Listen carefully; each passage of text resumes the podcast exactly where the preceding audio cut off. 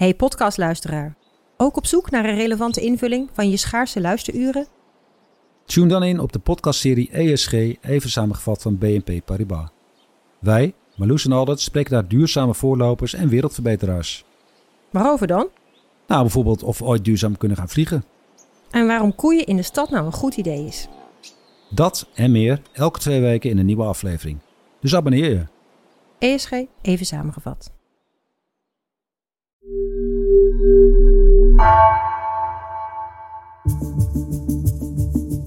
Vanaf de redactie van NRC het verhaal van vandaag. Mijn naam is Floor Boon.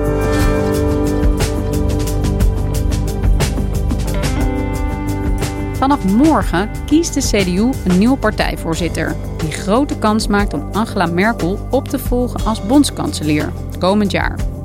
Het kan goed zijn dat je van de kandidaten nog niet veel hebt gehoord. Waarom leeft de Duitse politiek zoveel minder in Nederland dan bijvoorbeeld de Amerikaanse? Jurt IJsvogel, die na vijf jaar afscheid neemt als correspondent, vertelt hoe groot de verandering is die Duitsland en Europa te wachten staat.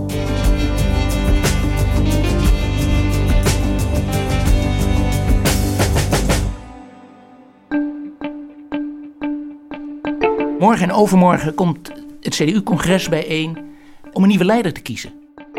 De partij die jarenlang de partij van Angela Merkel is geweest, moet nu een nieuwe leider kiezen, omdat Merkel äh, eigenlijk al als voorzitter gestopt is. Erstens, auf dem nächsten Bundesparteitag der CDU im Dezember in Hamburg werde ich nicht wieder für das Amt der Vorsitzenden der CDU Deutschlands kandidieren.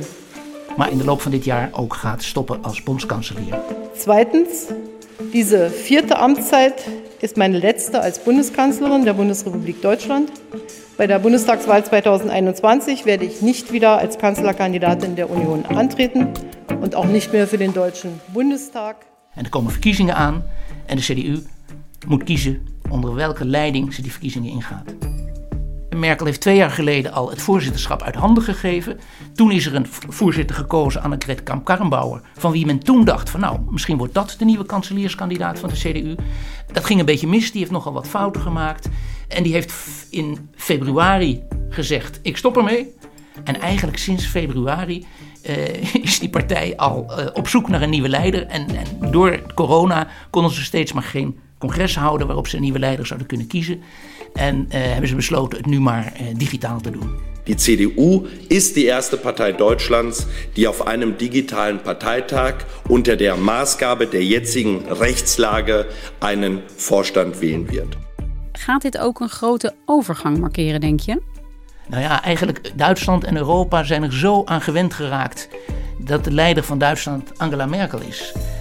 In 2005 is ze aan de macht gekomen.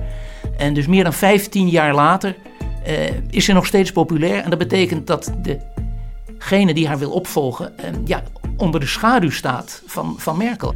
En de grote vraag is eigenlijk uh, ja, wordt deze nieuwe voorzitter die gekozen wordt, wordt dat iemand die de lijn Merkel voortzet of zal proberen voor te zetten?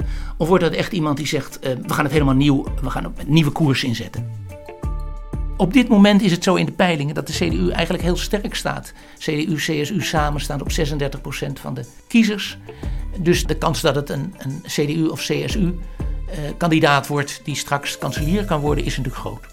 We weten nog niet wie het wordt. We weten ook nog niet of de voorzitter die gekozen gaat worden, of dat ook de kanselierskandidaat en de kanselier zal worden. Maar in ieder geval weten we, het wordt iemand anders dan Angela Merkel. En morgen wordt een belangrijke stap gezet in de richting van wie dat zou kunnen worden. Jurt, om even als eerste terug te blikken op Angela Merkel. En al die jaren dat zij uh, ja, Duitsland leidde. Wat typeerde haar? Welk stempel heeft Merkel op Duitsland gedrukt? Merkel heeft mede omdat het economisch heel goed ging in die tijd, heel sterk kunnen staan voor stabiliteit. Uh, er zijn een aantal grote crisissen geweest in de tijd dat zij de regering leidde en nog steeds leidt. De, economische crisis uh, in Europa. Wir haben es mit einer außergewöhnlichen, seit Jahrzehnten nicht gekannten internationalen Krise zu tun, sowohl der Finanzmärkte als auch der Wirtschaft, Weltwirtschaft. De vluchtelingencrisis. Das Motiv mit dem wir an diese Dinge, ich habe das eine nationale Aufgabe genannt, an diese Dinge herangehen, muss sein, wir haben so vieles geschafft, Wir schaffen das. Nu de coronacrisis. Ich will nur sagen, wenn wir jetzt vor Weihnachten zu viele Kontakte haben und anschließend es das letzte Weihnachten mit den Großeltern war, dann werden wir etwas versäumt haben. Das sollten wir nicht tun, meine Damen und Herren. En zij heeft toch eigenlijk met een vaste hand Duitsland, en je kan ook wel zeggen Europa, door die hele moeilijke tijden uh, weten te sturen. En dat is eigenlijk haar, haar verdienste. Niet een grote ideologische wending die ze in gang heeft gezet of zo. Maar eh, Duitsland en Europa een zekere stabiliteit te bieden, rust. Dat heeft zij in moeilijke tijden kunnen doen. En dat is uh, met, met politiek die vaak met stapje voor stapje ging. En dat heeft ze dus sinds 2005 volgehouden. En bijzonder is natuurlijk ook dat Merkel, niet alleen dat ze een vrouw was in die, in die mannenwereld, maar dat ze iemand was die uit de DDR kwam. Ja, dat moet je moet je, je voorstellen. Hoe zij in 1990, het jaar van de Duitse eenwording, in de Duitse politiek komt. Uh, helemaal opgegroeid de eerste 35 jaar van haar leven in de DDR, dus eigenlijk in een ander land. En dan zo snel met haar achtergrond in die Duitse politiek, in het Verenigde Duitsland, bondskanselier wordt, het land gaat besturen. Uh, en dan kan je afvragen van in hoeverre is die, is die achtergrond, je wordt toch gevormd in, in het eerste deel van je leven, bepalend geweest. En ik denk dat het voor haar belangrijk is dat je ziet dat zij is opgegroeid en groot geworden en ook het eerste deel van haar professionele leven heeft doorgebracht in de DDR. Waar zie je dat aan, Jurt? Waar, waar zie je aan uh, dat juist die ervaringen uit die DDR zo van invloed zijn geweest? Kijk, zij heeft er nooit mee uh, zich willen afficheren als een typische Oost-Duitse politica of zo. Weet je, ze, ze, ze, wil natuurlijk politicus zijn van heel Duitsland. En er zijn genoeg mensen, juist in Oost-Duitsland, die zeggen: waarom heeft ze niet meer op de bres gestaan voor de Oost-Duitse deelstaten en voor de, uh, de, de economische ongelijkheid geprobeerd aan te pakken die er nog steeds was tussen Oost en West. En hij, zij heeft nooit gezegd: ik ben een typische, een typische Ossie of zo. Maar ik denk meer dat in, in haar manier van opereren, dat je daarin in iets kan herkennen. En het feit dat zij niet met haar meningen altijd heel erg te koop loopt, dat ze niet impulsief reageert, dat ze vaak een beetje afwachtend is, uh, dat zou je goed kunnen herleiden tot de tijd in de DDR, waar ze natuurlijk in een communistisch regime, waar geen, geen vrijheid van meningsuiting was, waar je op je woorden moest passen, uh, ja, geleerd heeft om de kaarten dicht tegen de borst te houden zij weet, want ze heeft het een keer meegemaakt, dat een heel maatschappelijk systeem, een politiek systeem kan instorten. Het gaat niet altijd, niet alles wordt alleen maar steeds beter. Het gaat met ups en downs in de geschiedenis. Zij heeft gezien hoe om haar heen de maatschappij waar mensen hun leven, hun carrière op hadden gebouwd, ineens stortte toen na de val van de muur. Uh, dat was dramatisch voor mensen. Sommige mensen hebben daar ook kracht aan ontleend. Uh, en de ene kant de kracht van het besef, pas op, wees erop voorbereid dat dingen ook heel anders kunnen gaan. De geschiedenis kan onverwachte wendingen nemen. Maar aan de andere kant dat je ook in zo'n hele moeilijke situatie, waarin je dus misschien je baan verloor of het vertrouwen in mensen die je jarenlang vertrouwd had, dat beschaamd bleek omdat ze bleken te spioneren voor de Stasi of iets dergelijks, dat je je leven opnieuw moest opbouwen. Daar hebben mensen natuurlijk ook heel veel geleerd. En daar is een woord voor, ombroegcompetens, dus een soort competentie om met grote crisissen om te kunnen gaan. Uh, nou ja, dat is iets waarvan je kan zeggen dat dat hebben sommige Oost-Duitsers aan die moeilijke tijd overgehouden. En dat zou je kunnen zeggen, dat heeft ook Merkel zelf uh, daaraan overgehouden. Wat bij uitstek een politiek leider nodig heeft, in, zeker in deze tijd en in Europa met al zijn crisissen. Uh, en dat heeft denk ik Merkel wel geholpen in de ja, bijna 16 jaar dat ze aan de macht is. Je ziet het bijvoorbeeld uh, bij de Brexit. Bij de Brexit werden de onderhandelingen voor Europa gevoerd door Barnier vanuit Brussel. Terwijl iedereen natuurlijk weet, ja, maar Duitsland is het belangrijke land in Europa. Die trekken ook aan de touwtjes, die spelen mee. En Boris Johnson heeft van alles geprobeerd om een direct lijntje met Merkel te maken. Merkel is daar niet op ingegaan. Ook toen er een akkoord was, is Merkel niet het soort politicus die zich op de borst gaat slaan en zeggen: Dat hebben we toch maar mooi bereikt. Nee, ze liet de eer aan Barnier. Ze hoeft niet zo nodig. Het gaat erom haar om de resultaten te boeken die goed zijn voor haar, voor Duitsland, voor Europa. Uh, en, en op de achtergrond opereren, zachtjes, uh, dat is wat haar betreft prima. Hey, en Jurt, wie staan er nu klaar? Welke kandidaten uh, kunnen dit stokje van Merkel gaan overnemen? Nou ja, er zijn dus drie kandidaten, drie mannen. Dit keer heeft ze geen vrouw kandidaat gesteld die eigenlijk alle drie al een lange staat van dienst hebben in de CDU. Ich habe mich nach reiflicher Überlegung entschlossen, bei diesem Bundesparteitag erneut für das Amt des Parteivorsitzenden zu kandidieren. Und ich will das auch äh, begründen, warum ich mich dazu entschlossen habe. Je hebt Friedrich Merz, dat is een interessante figuur, want die heeft uh, lang geleden zat hij in de Bondsdag. En was eigenlijk een rivaal van Merkel. En, en, maar Merkel heeft ook die machtsstrijd gewonnen. En hij is verbitterd uit de politiek vertrokken, is in het bedrijfsleven ingegaan. En uh, ja, heeft nu, wil hij er nog uh, een kans wagen om nog een keer terug te komen en, en Merkel op te volgen. Merz staat meer een, een liberale koers voor, zeg maar meer een beetje een VVD-koers. Een beetje meer gericht op het bedrijfsleven. Uh, hij heeft vorig jaar nog gezegd dat de regering onder leiding van Merkel eigenlijk een, een waardeloos slechte prestatie leverde. Dus de mensen in de CDU die zeggen na het tijdperk Merkel moeten we nu iets anders. Die zullen wel eens voor Merz kunnen kiezen. De tweede kandidaat is Armin Laschet. Und mein Ziel ist immer Integration, Zusammenhalt all der unterschiedlichen Strömungen, der christlich-sozialen, der liberalen und der konservativen Wurzel zu erreichen. Hij komt uit Aken, een echte Rijnlander. Uh, dat is ook een beetje zijn. Uh, de mensen die hem niet zo van hem houden, die zeggen dat een beetje spottend. Hij is een Rijnlander, een soort halve prins carnaval. Uh, hij is iemand die binnen de CDU de lijn Merkel gesteund heeft, ook in moeilijke tijden. Toen Merkel door de vluchtelingencrisis heel erg onder vuur kwam te liggen. Toen veel mensen ook in haar eigen partij uh, eigenlijk vonden dat zij niet de grenzen had moeten openhouden voor de vluchtelingen. Dus hij is meer de man die staat voor de continuïteit. Dus we hebben iemand uh, die een beetje de breuk vertegenwoordigt. We hebben de continuïteit. En dan is er een derde kandidaat. En dan is er nog een derde, dat is Norbert Röttgen. Äh, es ist äh, richtig, ich habe heute Morgen in einer Mail gegenüber der Parteivorsitzenden der CDU Deutschlands meine Bewerbung und Kandidatur um den Vorsitz der CDU Deutschlands erklärt. Dat is eigenlijk de man met de meeste buitenlandervaring, hoewel ze alle drie in de echte buitenlandse politiek en de Europese buitenlandse politiek niet heel veel ervaring hebben. Maar deze Rutgen is in ieder geval uh, voorzitter van de buitenlandcommissie in de Bondsdag. En hoe zien de peilingen er op dit moment uit? Wie maakt de beste kans?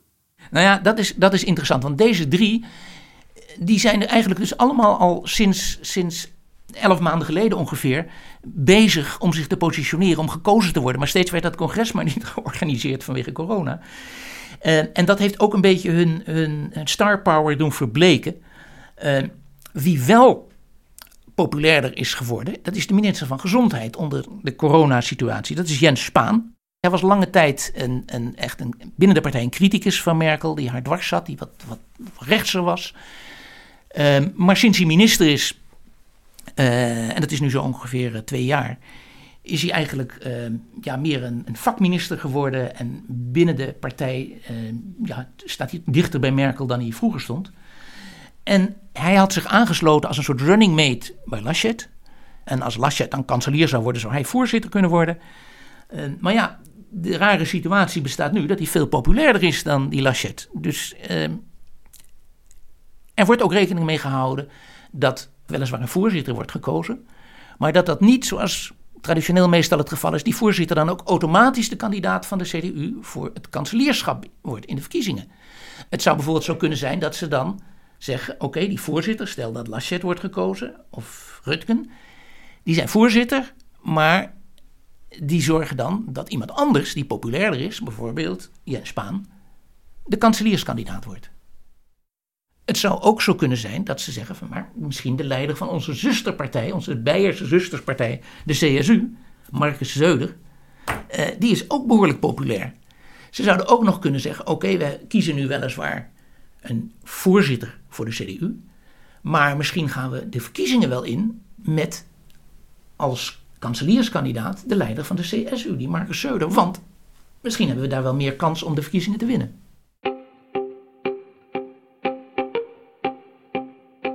Hey, en Jurt, we hebben natuurlijk net de Amerikaanse presidentsverkiezingen gehad, die nog volop in het nieuws zijn door alle gebeurtenissen uh, die daar plaatsvinden.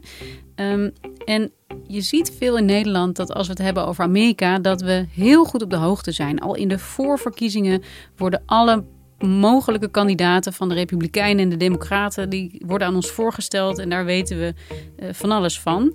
Ehm, in Duitsland is dat veel minder, terwijl dit ons allerbelangrijkste buurland is. Ik kende ook helemaal niet de kandidaat die jij nu hier beschrijft eigenlijk. Hoe terecht is dat? Kijk, de Duitse politiek verschilt in die zin wel heel erg van de Amerikaanse. Eh, de marges waarbinnen die CDU-leiders, potentiële leiders, opereren, zijn niet zo heel breed. Dus het is ook niet zo dat de verschillen tussen bijvoorbeeld Friedrich Merz en Armin Laschet, uh, dat dat vergelijkbaar is met de verschillen tussen Trump en Biden. Dus in die zin staat er in Duitsland minder op het spel. Het is natuurlijk zo dat Duitsland voor Nederland heel belangrijk is. En dat ook voor heel Europa heel belangrijk is wie er misschien straks de nieuwe kanselier wordt. Maar de verschillen zijn niet zo heel groot dat het in die zin door die inhoudelijke verschillen enorm spannend wordt.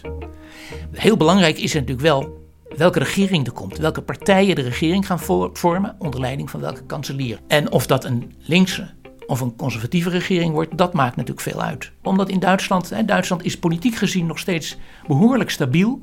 En eh, het kan zomaar zo zijn, zoals je nu zo zag in de periode van Merkel, dat een nieuwe regeringsleider lang kan blijven zitten. Dus dan heb je het wel over uh, misschien één regeringsperiode, maar misschien ook meer. Hè. Merkel heeft vier regeringsperiodes volgehouden met verschillende coalities. Uh, dus, dus als daar een politieke leider komt bij de CDU en die wordt de kanselierskandidaat en dan ook nog eens een keer de kanselier. En die heeft een stabiele coalitie, dan kan dat uh, voor de komende jaren uh, veel betekenen. Dus in die zin is dat, uh, is dat heel belangrijk. Hey, en je, je schetst eigenlijk voor ons dat de marges binnen de verschillende kandidaten vrij klein zijn. Um, betekent de keuze voor de een of de ander nog iets voor Nederland? Is er een groot verschil voor wat wij kunnen verwachten van uh, de, de, de nieuwe partijvoorzitter van de CDU? Ik denk het wel. En ik denk dat eigenlijk die verschillen tussen die kandidaten zullen ze vooral erop neerkomen van hoe gaan ze opereren, hoe succesvol zullen ze zijn in het voeren van Duitse en Europese politiek. Kunnen ze, zoals Merkel dat deed, toch ervoor blijven zorgen? Dat is voor Nederland toch heel belangrijk dat Duitsland een stabiele economische partner blijft, dat Duitsland een stabiele kracht in Europa blijft. Het is moeilijk te voorspellen wie van degenen in het beste belang van Nederland is. Uh, maar het heeft in ieder geval veel te maken, denk ik, met van in hoeverre ze erin te slagen, in hoeverre die nieuwe leider in staat is om stabiele coalities te vormen in zijn eigen partij en eventueel in een regering als hij de kanselier kandidaat wordt en een regering kan gaan vormen hey, en Juurt, um, niet alleen Merkel vertrekt, hè, dat is een einde van een tijdperk voor Europa en voor Duitsland. Maar ook jij stopt als correspondent na vijf jaar. Hoe heb jij je tijd ervaren daar? En is het soms ook misschien frustrerend dat er niet altijd die mate van aandacht is voor de Duitse politiek, misschien als voor de Amerikaanse politiek? Nou, dat laatste geloof ik niet. Uh, op zich zou het ben ik er helemaal voor dat we meer over Duitsland uh, weten en ons meer voor Duitsland interesseren en ook de Duitse taal beter leren spreken en verstaan. Maar ik heb nooit het gevoel gehad dat ik mijn ei over Duitsland niet kwijt kon in, in, bij NRC. Uh, ik heb wel het gevoel dat de belangstelling voor Duitsland groot is en ook groeit. Voor een deel heeft het ook te maken met Merkel. De belangstelling voor Merkel is altijd groot. Ik merk ook als ik over Merkel schrijf, zijn er heel vaak reacties, uh, soms hele boze reacties, soms uh, hele positieve reacties over haar. Uh, en dat, ja, ik vond het ook natuurlijk hier als correspondent fascinerend om over haar te kunnen schrijven, omdat zij een, een, een hele, heel boeiend politiek karakter is. En dat is, ja, dat is een van de vele fascinerende dingen van, van dit correspondentschap, vond ik.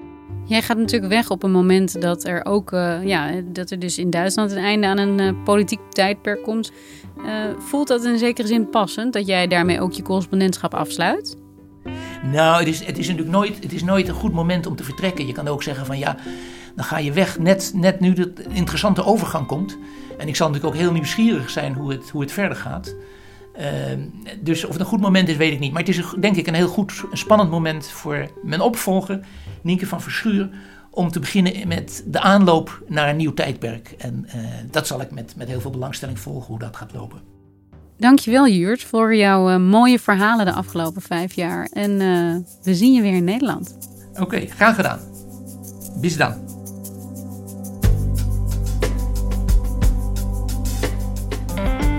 Je luisterde naar vandaag, een podcast van NRC. Eén verhaal, elke dag. Deze aflevering werd gemaakt door Ido Havinga en Astrid Cornelissen. Chef van de audioredactie is Anne Moraal. Dit was vandaag. Morgen weer.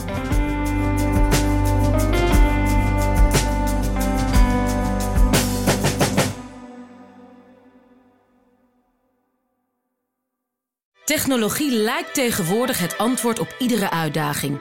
Bij PwC zien we dit anders. Als we de potentie van technologie willen benutten, kunnen we niet zonder een menselijk perspectief. Human-led, tech-powered noemen we dat. Ga naar pwc.nl.